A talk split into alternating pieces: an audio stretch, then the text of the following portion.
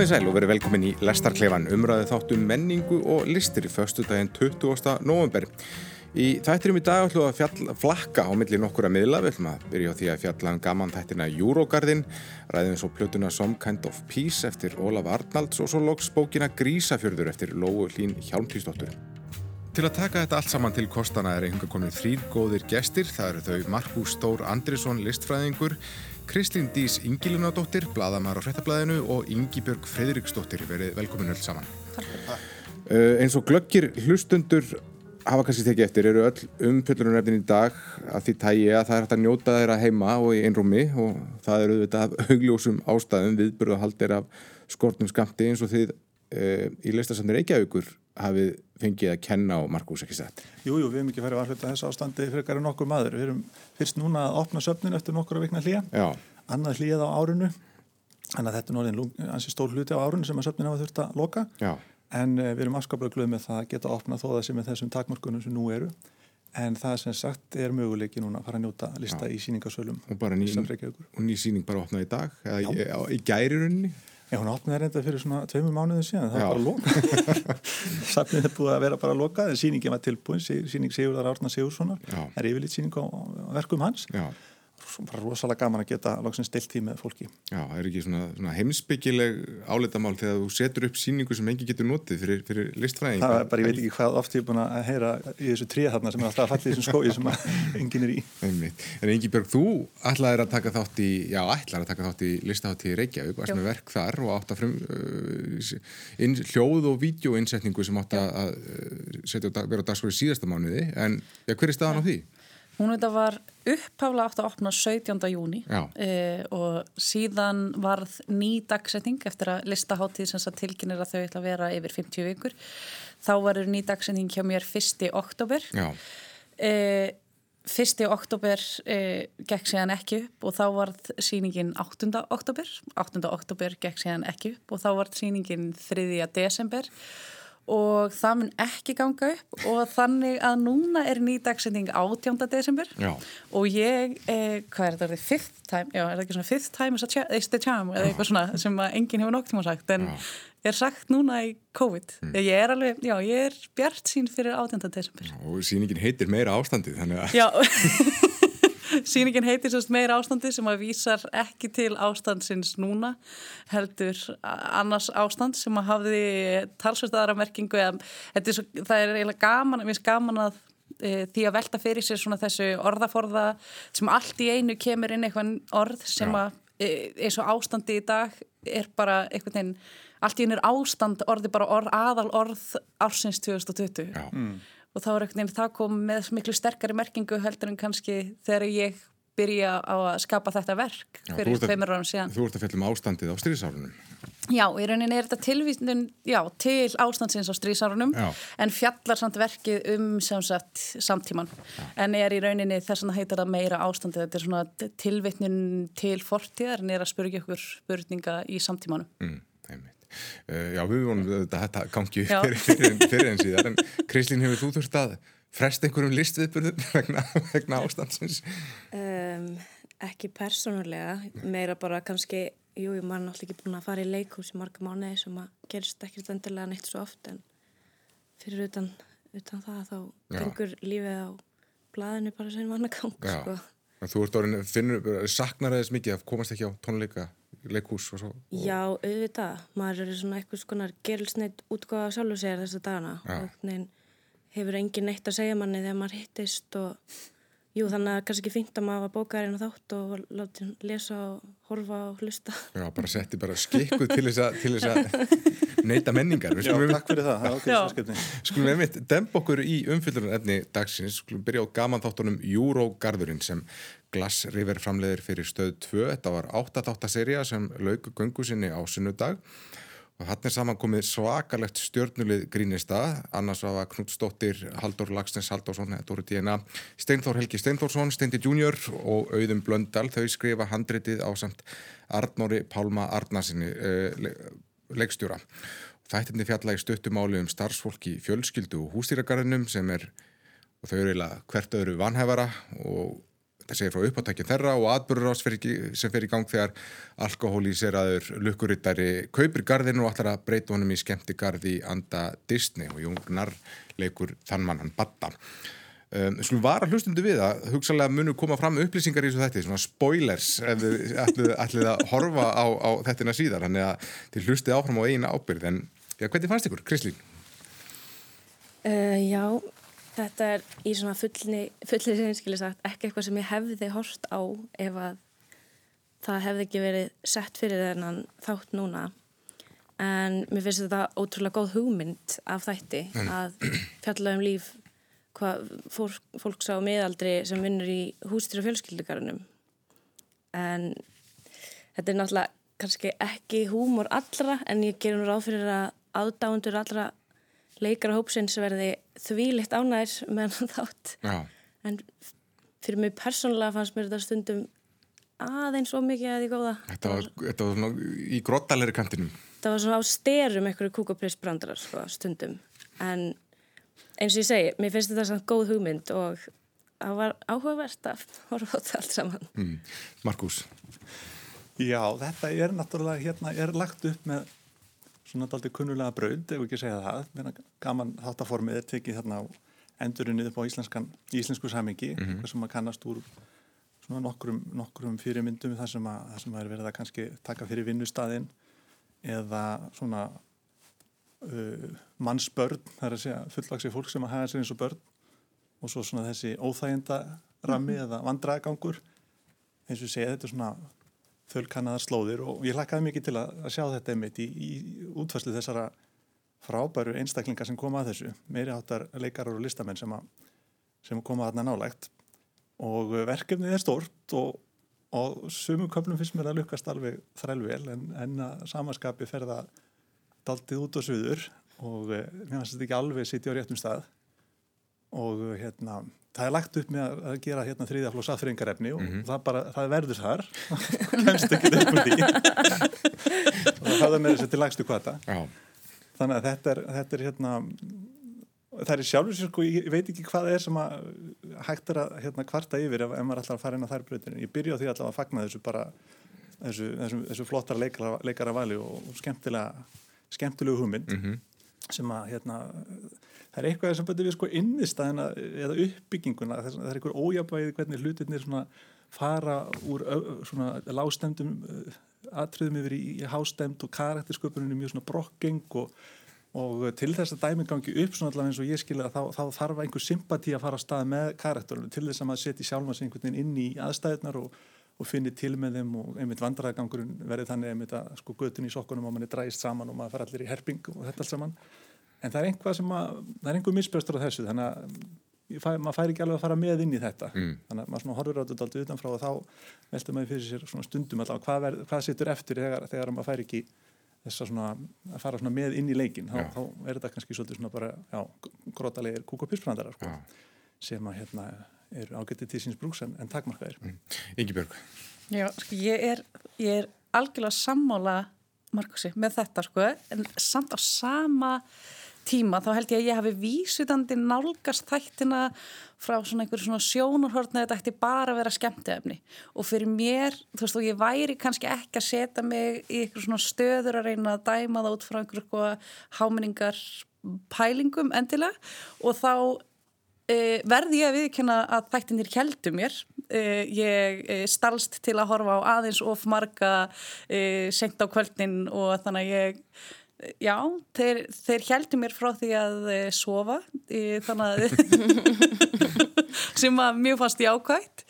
Ég held akkurat, ég, ég sko sammálega sem er karaktersköpunina sem þú talar um að því ég hefði alveg vilja sjá kannski, ég held að hefði ekki þurft droslega mikið til að ná manni með ennþá meiri sympatíu fyrir karakterinum, algjörlega en á sama tíma held ég að þegar ég var að horfa á það, nú hef ég ekkit mjög mikið hort á efni sem hefur komið frá Steindat Junior eða, eða, eða þessum strákum og ég held ég hefði kannski farið með smá svona fyrirvara inn í að horfa það og ég var pingum, mér fannst samt gaman að sjá hver flottir leikarar þeir eru.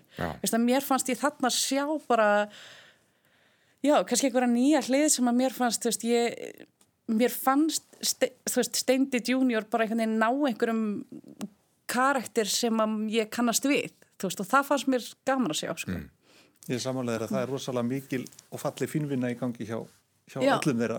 og, og hérna og uh, maður bara einmitt steindi með, með, með þessa svona meðvirkni og, og, og þessi umlandi svör sem eru svo kunnulega mitt þegar, þegar fólk er húðskammað og, og segir mm, mm, mjög fallega með farið svona núansa sko en, en það er síðan dreigið í svaðið alveg og tönnlast á þessu enda Já, þess vegna held ég sko ef þið hefði farið aðeins dýbra þess er ég svo sammála þér þegar þú segir það það hefði aðeins, þá hefði maður akkurat í þessum mómentum sem verða mjög óþægileg haft ennþá dýbri samúð með þeim mm. einhvern veginn. Þannig að já, mér finnst þetta gaman að þetta svipað og ég hugsaði því ég horfaði á þetta sko. Af því ég held að þessi móment sem að verða mjög óþægileg þau verða kannski ennþá óþægilegri af því maður einhvern veginn hefur ekki alveg samúð með karakterunum eða aðstæðinum sem að þau er að já, eru í þannig mm. koma sér í auðum blöndal komið svona skemmtilega og já, hann, hann er svona samla. leikur þarna kannski, var að segja, fulltrú áhorfanda hann er svona venjulegastur þarna maður sem er mhm. fastur mm -hmm. í, í vansælu hjónabandi sem gengur út á að, að, já, konarnas stendur þeirri trú að þau séu í hvað hva er þetta að kalla fjölkæru, póli uh, sambandi Já. sem, sem virkar nú bara ansi einhliða og svona við fylgjum með honum í hans svona eimt út af því og það, það, það er einhver framvinda. Það er, það er alveg svona framvinda ekki um þetta. Já. Ég bjó, nú bjó ég í San Francisco í fjögur ár, þar sem mikið af mínum vinum voru í sagt, póli sambandum, þannig að mér fannst svolítið gaman að fylgjast með þessum samtölum, að ég átt mikið af samtölum um sagt, já, póli sambönd og mikið veldi fyrir mér sko geta þau gengið upp og allt þetta og nú kemur smá spoileralert en þess að þau eru í póli í sambandi þar sem bara konan má eða þau meiga bæði sofa hjá kallmönnum en hann hefur engan sérstaklega áhuga að sofa hjá kallmönnum þannig að konan hans er alltaf að sofa hjá kallmönnum og hérna já, mér finnst þetta svona skemmtilegt ég held þetta sé kannski svona ég held við getum beðið í tíu ára þá verður eitthvað einn þetta, að því ég fylgdi svo mikið með því í San Francisco þetta voru eitthvað einn, þú varst alltaf að spyrja fólk að það var í sambandum, hvort þau var í lókuðum eða opnu sambandum eða þau voru jafnvel að taka það fram hvers konar sambandsfyrirkomulagi þau varu í. Þannig að það var svolítið áhugavert að fylgjast með kannski eftir, þetta er svona eins og þetta sé svona koma meir og meira til Íslands kannski þessi möguleiki að þú getur verið í alls konar opnum samböndum. Mm svona mjög svona skemmtilegt að reyna kannski mm. Kristín fannst þér þetta var þetta vannitt tækifæri að hugsaður bara, nei þetta er bara hitt fyrir mig þetta þótt að handritið hefði verið svona fastar í reybónum eða, eða hvað Sko, mér fannst ég, ég, það sem ég held að þetta hafa átt að vera hafi verið svona önnur útgáfa kannski af vöktunum mm. og Máli með vaktina var að ég held að eiginlega allir hafi geta fylst með því og fundist það fyndið, mm. eða svona eiginlega alveg langt flesti sem ég þekki allavega og mér fannst það mjög fyndið dót. Þá oft fyrir að grínið hafa ég mitt oft verið svona grínast af misförum annara og misbrestum og svona fleira í þeim dúr en þarna ég mitt, sko eins og þú varst að tala um að auðun er svona fulltrúi áhörvenda svona raunveruleika tengingin inn í þessa, þetta brjálaði en meira segja hann var líka alveg snaruglar karakter og varð alltaf meira og meira brjálar eftir því sem að þættirnir, eftir því sem á leið sko, sem að var kannski til þess að já, þetta var kannski svona þetta var svo góð hugmynd sem gekk ekki alveg upp út af öruglega því sem þið eru búin að tala um það vantæði þessa samúð mm. og þú veist það er svo mikið af möguleikum með að gera grína hústýragarnum þau borði í alverðinu dýrin hann að á haustin eins og allir vita sem er náttúrulega bilað sko mm. og þetta er allt fullur fólk sem eru að vinna þarna þannig að ég veit ekki, ég, ég held að þetta hefði geta verið ótrúlega fyndið en samt aðeins nær raunveruleika mm. venjulegs fólks sko, Tóttinni slegi mjög snemma í þáttunum að það er hérna sérna það sem þeir, þær personur þeir, það fá tilfinninguna að einhver trúður það, það sé hugsaðlega með badnagind og ákveða egna beitu fyrir hann og, og segja ungum strák á hann sem, sem, sem á að lokkan innan, innan gesalappa og þetta er náttúrulega mjög gróft grín. En svo fann maður á tilfinninguna að þetta er náttúrulega snemma í þáttunum að þau að hugsa, herru, við verðum að, við verðum að slá þessu við, við verðum að toppa þetta. Mm -hmm. og það verður alltaf meira, meira og meiri stígand eftir því sem það gengur alltaf lengra og lengra. Já, ég held að það er eins og það hefur bara verið settur fram listi yfir ósmæklega hluti sem, sem, að, sem að maður ræðir ekki um almennt hvað þá gerir grínað.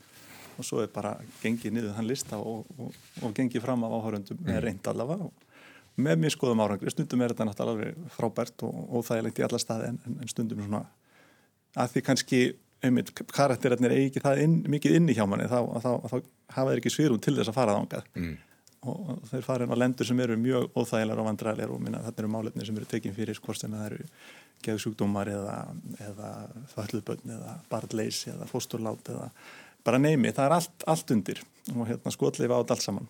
Og það er í sjálf og svo eftir góð Ég, það, við erum komin á þann stað svo sem í, í gamanefni að það nexla mann ekkert lengur þannig. En uh, til þess að gangi upp eins og sé, til þess að komist einhver snúningur á það þá, þá þarf að fara svo fínt að því. Mm. og uh, ég held að þetta sé bara spurningum einhvers konar hópefli og, og meðvirkning sem hefur farið að stað þarna á vinnustad og uh, við keislu sköpum þessara þáttar vanda kannski einhverja stjórn eða eitthvað svona. Er, það er einhver sem, að, er einhver sem þarf að standa fyrir utan all, all, alla klikkurinn og, og, og sjá heildamindina mm. kannski skorti svolítið á það. Ég, ég held mér að vita sko hverstagslegu brandarannir bestu brandarannir brandarannir á fjölskyldu og hústyrkarinn hugmyndina um að refurinn er ekki til til dæmis, sem að mér var skeggjað, þú veist, alveg frá því ég var bann en maður búin að býða eftir að sjá refin og þá kemur frá þessu þáttum að það er einhver búin að setja bara liklakipi sem er eitthvað refstil, það er frábæri brandari og eitthvað sem að maður, sem að mér fannst í rauninni miklu fyndnara heldur um margt annað sem að gengur miklu lengra. Að samaskapa einhvern veginn að breyta nafni fjölskyld og hústyrkar sem sé júrogarðurinn finnst mér líka gott grín af því að ég, núna í sömar og þá hef ég ekki komið þar í langan tíma og þá vorum við ekkert svona fjölskyldana, þá fyrir við sérst að ræða þetta nafn fjölskyldu og hústýragarðurinn og svona velta fyrir þetta hljómartaldi eins og maður getur séð einhverja vísitölu fjölskyldur í garðinum líka, þú getur séð svona hér er garðabæja fjölskyldan og svo getur þetta hljómar eins og garðurinn eiga snúast um bæði fjölskyldur og hústýr og svona, það voru alls konar svona hlutir sem að mér fannst eiginlega Jafnvel, þetta, þessi einföldu litlu hverstagslegu hlutir náðu mér meiri að hlæja heldur en kannski endilega eitthvað svona, já. Algjörlega, ég er sérfæðilega saman kannu að dræja þetta fram að því já. það var rosalega margt fallega gert svona í, í, í þessum fína húmor sem kannski kapnaði í, og hérna, en, en var upplöfuð þið að það væri svona að tilraunin til þess að hafa brottin í þessu grottalega gríni að einhvern veginn sko augra pólitísku réttrúnaði eða hvað við, við, við viljum kalla það að væri verið að fara á einhverja grensus dansa á einhverju línu og, og aðeins svona potta í, í svona gildi á þannhátt Ég held að sjálfur rétt að þeir hafi skrifað lista yfir grín sem er bannað. Svona eins og þeir gerðu með dönsku þetta klón sem að slóin alltaf alveg í gegn. Þeir skrifið bókstæðilega bara lista allt sem er bannað að gera grína og svo gerðu þeir þetta um það. Ég get ekki ímyndum mér annað en þeir hafa gert nákvæmlega saman með þennan hátt þátt, þú veist. Mm -hmm. að reyna að finna einhvern hátt til að gera grín á öllu þessu. Og þú veist, mér, mér finnst það góð hugmynd og eins og eiginlega allir grínast að segja að það má gera grín á öllu.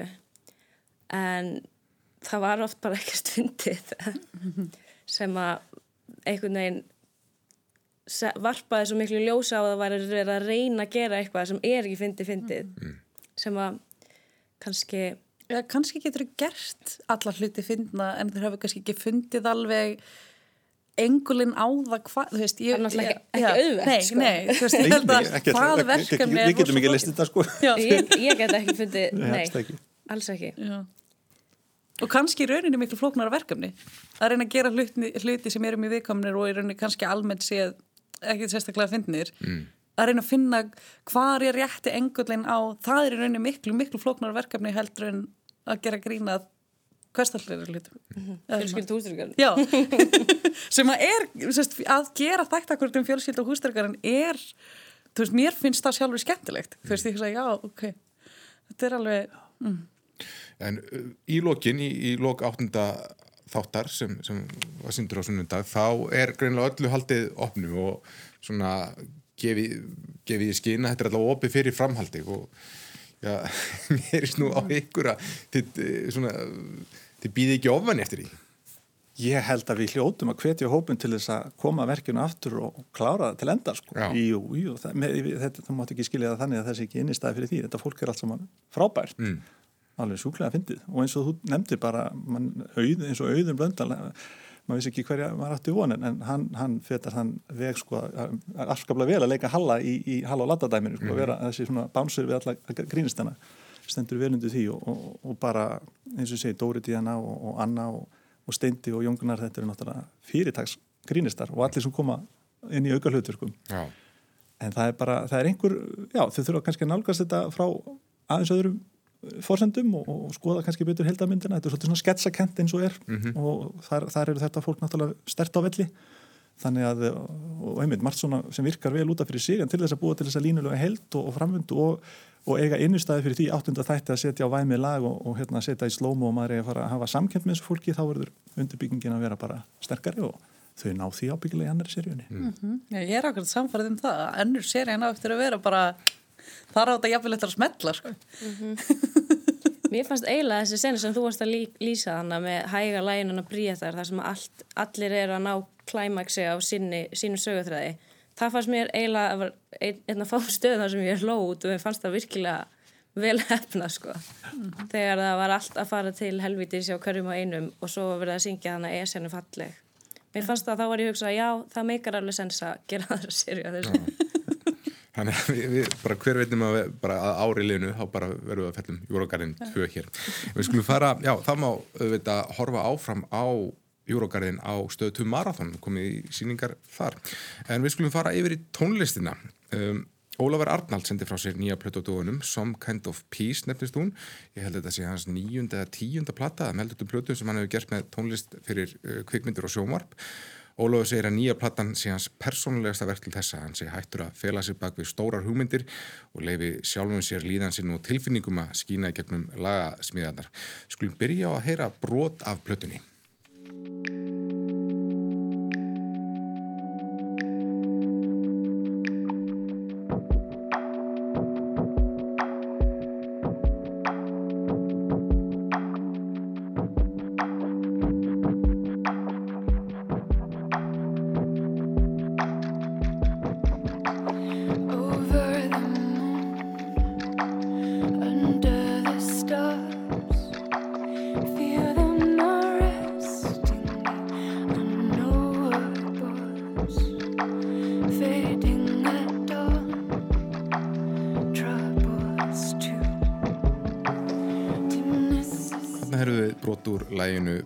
To the Sky þar sem uh, Jófríður Ágadóttir eða JFDR syngur með honum Ólafi Arnalds uh, Ingi Björg, hafðu þú hlusta mikið á Ólaf áður en ég setti þér þetta verkefni? Mm, já, ég myndi kannski já, ég var alveg farið á tónleika og hlusta á hann talsvært Já, já. Og, hvern, og hvernig finnst þér þessi nýja platta? Ég er eiginlega, ég er kannski bara aldrei sammála því sem að um, ég hafði ekki kynnt mér kannski beinta eins og það sem þú varst að lesa núna um plötuna, það sem Ólafur segir sjálfur um plötuna mm -hmm. og ég held ég bara sétt aldrei sammála mér þessi skilabóð sem hann er að senda út koma mjög skýrt fram í tónlistinni Já. þetta er, mér finnst þetta svona e, þessi nánd það er einhver hérna mér, hann, þessi til dæmis þetta lag sem að var spila núna þessi sam e, samvinna hans með Jófri mjög, mjög vel hefnað og uh, hennar rött uh, virkar mjög vel með hans tónlist og þessi sko og kannski akkurat þessu skilabóðin sem hann er að setja út. Uh, og mér er fallegt að gefa út plötu núna sem heitir Some Kind of Peace. Mm. svona, og mér finnst hann koma því til skila mér finnst þetta að vera mjög hilsta eftir verk veist það þegar maður hlustar á hana þá er alveg Some Kind of Peace sem kemur yfirmann Já, þannig að þessi fæstlögin eru sunginu, eru ósunginu og, og svolítið abstrakt. Uh -huh. um, þetta fyrir skipta máli skila það sér til viðtakandans að þetta sé persónulegt verk Ég myndi segja það, já, algjörlega. Og ég myndi segja sko, ég bæði auðvitað kannski vegna þess að mér var sett þetta verkefni þá kannski bæði hlustaði á hana mjög svona í aktífri hlustun þar sem ég satt með hernatól og hlustaði eins og líka sett ég hana á nokkur, nokkur, stund, nokkur sinnum þar sem ég var bara, þú veist, að gera aðra hluti. Mm. og mér fannst hún, já, algjörlega bara óbúslega fallegt plata og hún, það er fátt kannski sem kemur á óvart í tónlistinni. Hún trublar mann í rauninni, þú veist það var sjaldan sem ég kannski ef ég var með hann í gangi það var aldrei eitthvað svona sem ég vaknaði við og hugsa býti hvað er að gerast núna? Mm. kannski svona helst, svolítið svona svipaður taktur í gegnum allt. Það er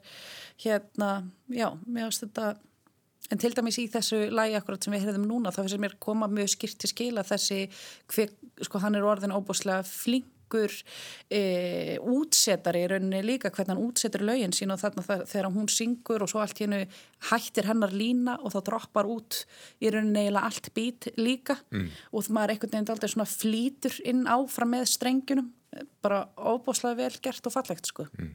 Krislín, hvernig fannst þér þessi plata? Um, já, ég er nú alveg samanlega mér fannst það mjög falleg uh, og en nú þykist ég ekki á neitt sérfræðingur í í tónlist eða elektroklassík hvað þá það. En ég kannski vil líka taka undir það komir ekkert á óvart og mm. mér fannst hann ekki verið að taka neinar áhættur með við þetta sé hans persónulegasta platta til þessa. Um, þannig að ég sjálf gæti ekki lesið mikið út úr þessu en það gæti náttúrulega líka bara verið út af því ég er eitthvað smá tónlistarlega takmörkuð. Mm. en þetta var fallegt. Mhm.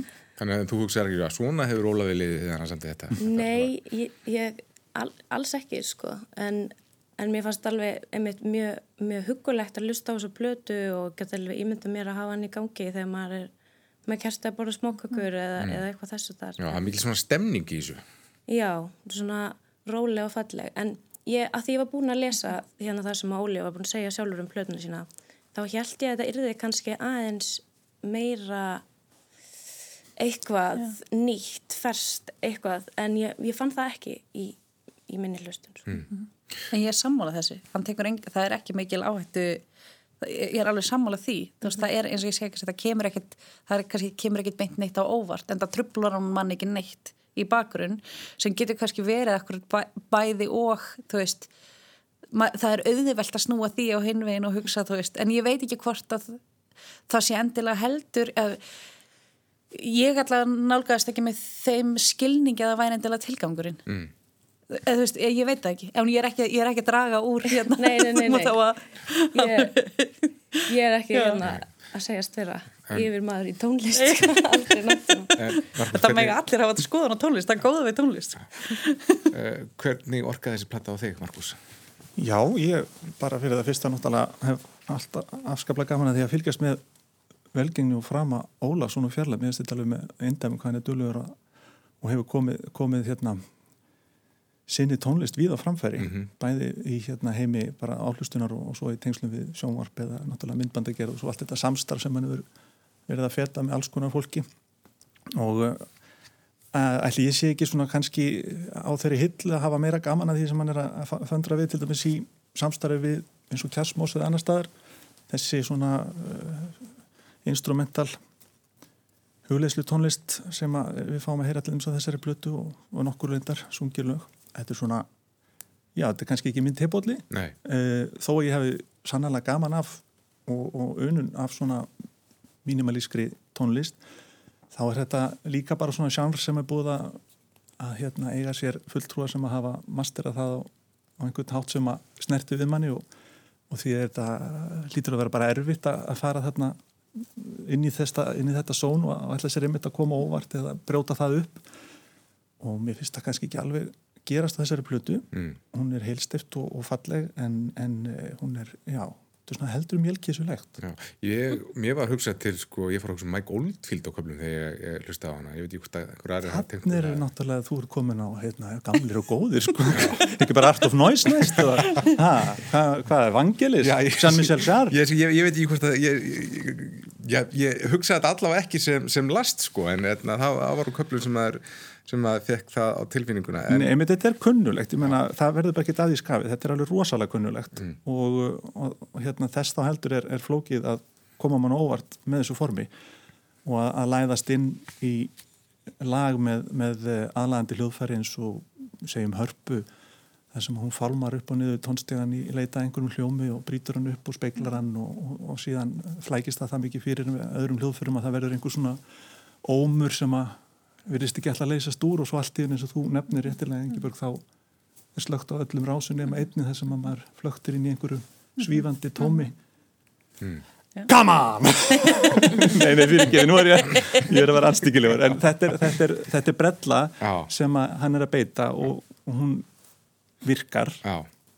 en uh, þetta er manipul man, manipulatíft Já. og ég er á varbryggi en hann á sér augljóslega marga aðdáðandur að því að Platan hefur fengið virkilega góða dóma með 82 stig af 100 á metakritik og svo fór hún í 17. sæti á breska vinsaldalistanum. Mér finnst það eiginlega magnað að svona instrumental tónlist mm. uh, verði svona vinsel, sko, komist á, á bara meginstrunns listara. Það er nú afreg út af fyrir sig. Mm -hmm. Hann er alltaf nýbúin að vera tilnæmtu til Emmy. Já.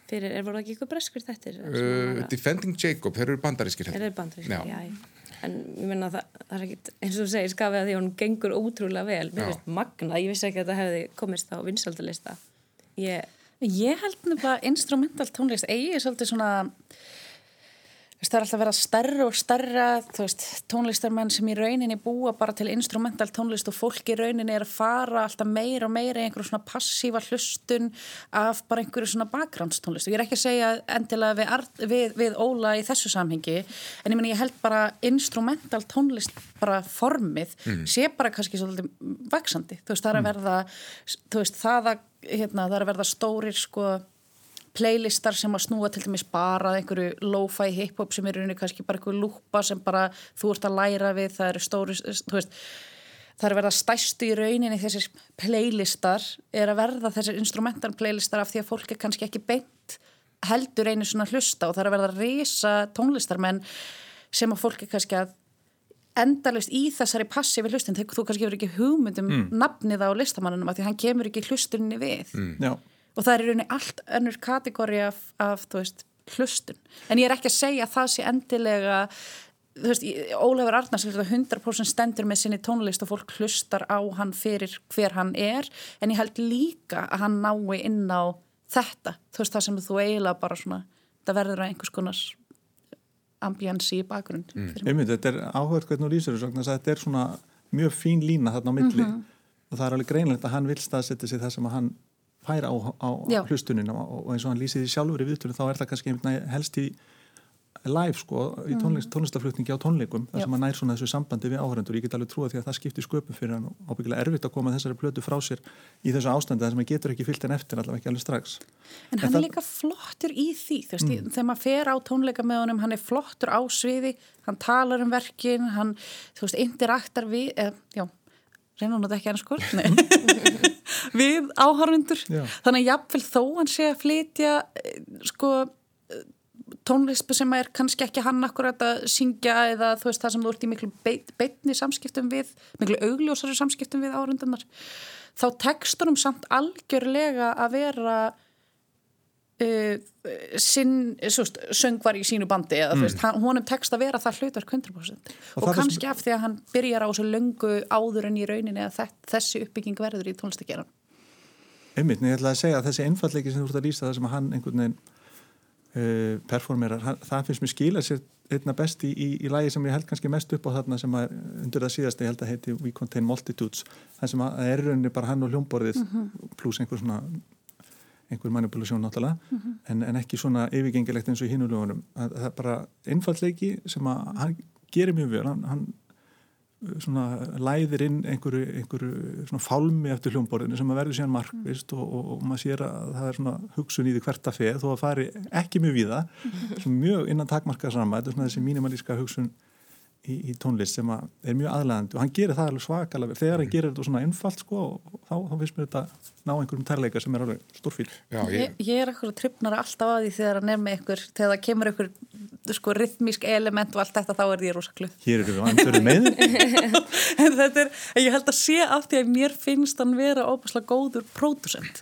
Það er þar sem að mér finnst líka hann styrkliki liggja og það er svona er ég alltaf daldið fálmandi eftir því að heyra meira heldur um pianoið mm. en ég held að þetta sé bara já Kristi, sækist þú meira í tónlist sem bara svona grýpur þig og, og, og heldur aðtekliðinni eða finnst þið það eiginlega að hafa eitthvað bara svona í bakgrunni sem Lættuðu líðað vel á með þú sinnir öðru? Sko, til dæmis í þessu þá, ég hlusta ofta á Kjasmós sem mm. að Ólafur Arnald annar á tveimur í. Það finnst mér frábæri tónlist sem ég myndi setja í gang keima hjá mér. En sem svona ég er ekki mikið að setja eitthvað liftutónlist eða hérna hvað sagðu þú, sorry, ekki liftut lo-fi. Í gang. Nema kannski að maður er að fara að reyna að sopna eða eitthvað, ég veit það ekki alveg. Mér finnst, ef þú ert komin niður í, eða upp í þá tónlist þá getur þú eiginlega alltaf eins leitað í bara einhverja gerðvikareinda tónlistamenn sem eru mm -hmm. orðinir mjög góðir í að gera svona tónlist sem að gera það einmitt erfiðar og erfiðar að, að gera þessa tónlist meira svona distinkt mm -hmm. og nei, ég vil hafa eitthvað eitthvað sem að grípa mig sko, ja. alveg 100% eitthvað sem býtur en hann er með mjög fallega svona uh, hugmyndir þarna sem að hann fylgir einmitt úr hlaði í texta og viðtölum og mér, ég tek undir það hjá hann að það er, þú veist, það er einhver ákveðin óreiða náttúrulega sem við höfum þurft að gangi í gegnum og, og, og það að setja fram tónlist sem að höfða til tilfinningana og, og færa okkur til þess að já, hrífum að svolítið með sér, það, það er fallet markmið og hérna virðið það við hann já. að setja þetta fram í þessu samingi og þessi persónulegi tótna að hérna, þú veist eðlilega bara sama hvaða listamæða það er sem setur fram persónuleg verk, hann, hann gefur högstað á sér og, og mm -hmm. það, er, það er fallegt og auðmjúkt og, hérna, og hér sýtum við og erum eitthvað þykast eitthvað að vita betur sem er náttúrulega bara mjög orðillátt en hérna, svona er þetta bara. Já, já, það, það örlu, örlu þessa spjalls að verða mjölkísileg þetta er miskunni skiptir í alma aðra salma. Um Salka hefur gefið út bókina Grísafjörður eftir Lói Hlín Hjálmtíðsdóttur teiknara tónlistamann og nú réttöfund Lóa er þekkt úr FM Belfast og fyrir myndasugur sem koma út undir heitinu Lóa Boritorium Grísafjörður er bók fyrir stálpaðakrakka sem Lóa bæði skrifar og myndskrittir hún fjallar um tvíburuna Ingu og Baldur sem búa með mömmu sinni í blokki Reykjavík sem mamma er að kalla Grísafjörð þegar hún er frá Ísafjörði og finnst, finnst eh, Reykjavík ekki að fallegu bærir og, og, og Ísafjörður. En þau ætla að slaka á með tilþrifum í sumafríinu og kynast á undarlegum nágranna Alberti sem er að bugast af áhugjum af sýstu sinni sem er tínd og sískirinn ákvæðarinn að hjálpa honum við að finna hann um, Markus, þú er vantilega fylst með uh, Lóu í gegnum tíðin og hennar myndlist. Já, emmitt og bara því líka ánægja að fá fram svona flott verk frá henni með bæði þessum flottu myndskreitingum hennar og svo texta, sögu sem að alveg rík heldur og, ég fissum á eftir að slá í gegn á ýmsum aldursópum mm. ég var mjög, mjög annað með þetta Já, þú bara spendir í gegn í einni lótu eða? Já, já, og svo verður taka tvö núna fyrir sjöra lótu mína, við verum að byrja það ferli og mér, mér líst bara vel á viðbröðin mm. Þetta er hún er, er út bækur á þessum eru myndskreittar en þarna er alveg, þetta er 150 sína bók og, og með þéttum texta og uh, hann er text vel upp sem ritthöfundur, myndi þetta á þig eh, á einhverja sérstakka höfunda eða? Já, mér fannst þetta bísna frumlegt bara og skemmtilegt og koma óvart, eh, mér fannst eins og frásögnin væri svona áreinslu laus og textin fallegur og einfaldur fyrir börn en samt eh, skemmtilegur og, og hérna, velframsett allt saman og, og sögu þráðurinn mér finnst það svo þakklátt að fá sögu og myndskreitingar, tala um ekki myndskreitingar maður náttúrulega oft sem að fær fínar þýðingar á barnabókum en, en það er sagan og myndskreitingarnir eru, þú veist, úr íslensku veruleika sem krakka tengja á rosa vel við og, og hérna hvort sem það er veðráttan eða, eða leikvöngin sem þau leika sem með eða, eða bara svona íslensk stemming, matar, gerðarlist og annað sem að kemur hérna í gegn og, og þetta smittar allt saman í gegnum alla bókina og líkindi við, við aðra höfunda, ég veit það svo sem mikið þetta er eh, einhverju leiti svona uppbyggingin kannski kunnulega, það, það eru þarna hverstafurinn brotin upp með einhverjum æmyndýra heimi hjá mm -hmm. þessum nágranna. Og, eh, og sá æmyndýra heimi hún kannski, hún opnar svona mögulegan á því að hann sé, hann sé kannski æmyndýra leira heldur en síðan er, þetta er, verðist bara að vera síðan svona eins konar eldri útgafa af þeim sískjörunum setna sem er svolítið fallið hugsun. Þannig að þetta er kannski svona stefnir í það að verði, verða meiri fantasía en það er unni verið er, þetta er svona svolítið svona uppbygging sem að, sem að kemur óvart. Já, en hefur þú viljað að hún, hún svona hlefti því í, í, í leiður þessi meiri ævintýri innan heimsins? Ekkert endilega, ég svona bara hugsaði það þegar maður fór á staðin í bókina og manni finnst þætt hún verið að stefna í eina átt en svo, svo gerðu það ekki og það svo sem verður enginn vonbrið síðan svo. Ingi Björg. Ég held svona heila svona mitt uppáhald við þetta er líka hvernig hún notar, ef maður getur orðað þannig hvernig hún notar þessa miðla sem hún hefur verið að vinna með áður sem er myndlistin að eh, hún er sagt, með bókinni fylgja bæði limmeðar og dúkulísar og mér finnst það svo skemmtilegt að taka sagt, þetta er svo rosalega simpul element sem að síðan en maður er akkurat krakki og les þessa bók að þú getur einhvern veginn haldið áfram að leika þér með sögupersonurnar og þetta, mér finnst þetta mjög svona, mér finnst þetta skemmtileg vitt í, í hérna, sem hún leikur sér með þarna sko. Já. Og ég er akkurat sammála Markusi með það, þetta er svona einhvern veginn þessi íslenski hverstagsleiki í þessari bók sem er líka bara, mér finnst þetta, þetta virkaði vel fyrir mig sko. Já, maður finnur ekki sérstaklega gegnum móður krakkana, það Já. er þessi bugun sem Lóa hefur oft vinnum með sko, sem að fóröldra kannast Já, þetta er einstæði, einstæði, einstæði móðurinn og kennari sko, sem einhvern veginn svona bara getur alltaf beð eftir að komast í frí sko. Já, og hvernig er að fá kókumjólk og allt þetta sko. Kristinn, hvernig fannst þér? Æ, mér fannst þetta æðisli bók og mér fannst einmitt þetta, mér, mér fannst svo skemmtilegt hvað maður fekk svona laumu sín inn í líf móðurinnar þrátt fyrir að sagja hann mhm. fjalla um börnin sem maður gætt tengt svo ótrúlega vel við þegar hún er aðna bara dáleitt af símanu sínum og krakkanir eitthvað mhm. læstir úti og bara fullt af eitthvað svona, svona einmitt þessi hverstarslegu ævintýri sem að mér fannst bara ótrúlega skemmtilegt að lesa þessa bók og einmitt það gerðist ekkert svo mikið en mér fannst það ekki saka neitt sko. Nei, hún benti á það sjálf lofa uh, í einhverju viðtali að krakkarnir ferðast innan hús í, mikið í bókinu það var, var bara svona algjör tilvílinu sem, sem, sem var til hann eða hún svona opna kannski einhvern hugmyndar heimum það að það er að fara við það á þess að fara fett Já, svona ævintýri innan hús Já, þannig að um, en já, var eitthvað svona eitthvað sem þú hefði viljað sjá öðruvísi í, í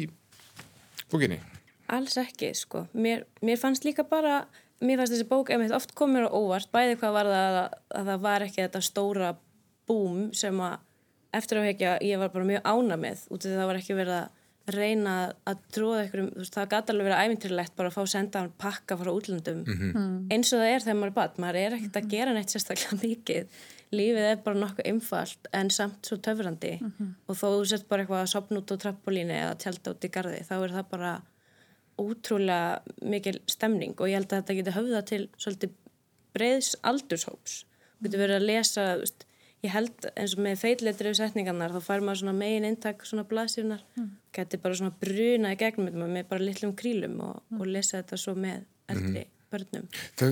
Þessar feitleitriðu setningar sem koma fyrir á hverju síðu, þau eru, líka heppilegar upp á það að þetta er auðvelt, þetta er góð bók fyrir kannski krakka sem eru svona að eru orðin svona ágætlega færi að lesa svona lengri texta þannig að þetta er svona, vel hönnuð að þýliti Já. Ég sko fór, fór tilbaka því ég fór að sjá þessar feilindursetningar og voru að veltaði fyrir mig hvort ég hefði mistað einhverjum svona til, það ætti að vera eitthvað svona læri tilgangur já. ég ætti að vera sko, þú veist það ætti að vera eitthvað svona já, þú, þú ætti að já. Þú lest bara bláu, bláu stafina þá kemur ykkur, ykkur Já, ég var eitthvað, er eitthvað svona, var ég að missa ykkur hérna í byrjun sem ég áður að vera að gera með þetta element, mér veist að, já En þetta er náttúrulega bara eins og ég segi, hún er bara svo listilega fallið bókin, hvort sem það er í, í, hérna, í típografíun eða, eða myndskreitingunum, hún er bara alveg rosalega aðlandi og, og skemmtileg uh, í hendi. Þetta er svona heilsteift og ég held að þetta sé kannski pinga okkur það þegar að myndlistamæður kemur að því að e, gefa út bók, að þá kannski kemur alls konar hugsun inn sem annars, sem rítvöndur maður myndi kannski ekki endilega vera að velta fyrir sér. Þá fyrir að koma kannski einhver myndræn element sem getur jafnvel kannski smitast akkurat niður í fontana eða niður í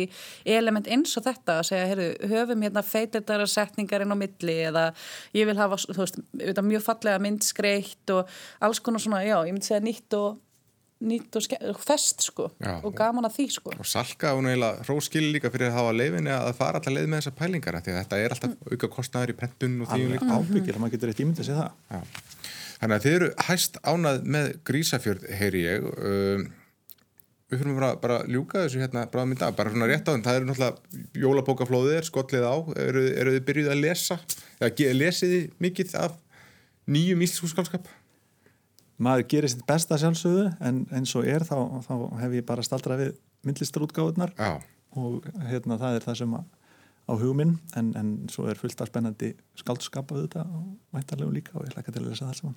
Já, ég, ég held að maður byrjaði ekki að lesa jólabókaflöðu fyrir ná aðfangudag þá fengi maður bækunar sem maður ætti að lesa í milli jól og nýjár Þú, þú, þú lest ekkert fyrir Ég les ekkert fyrir ná aðfangni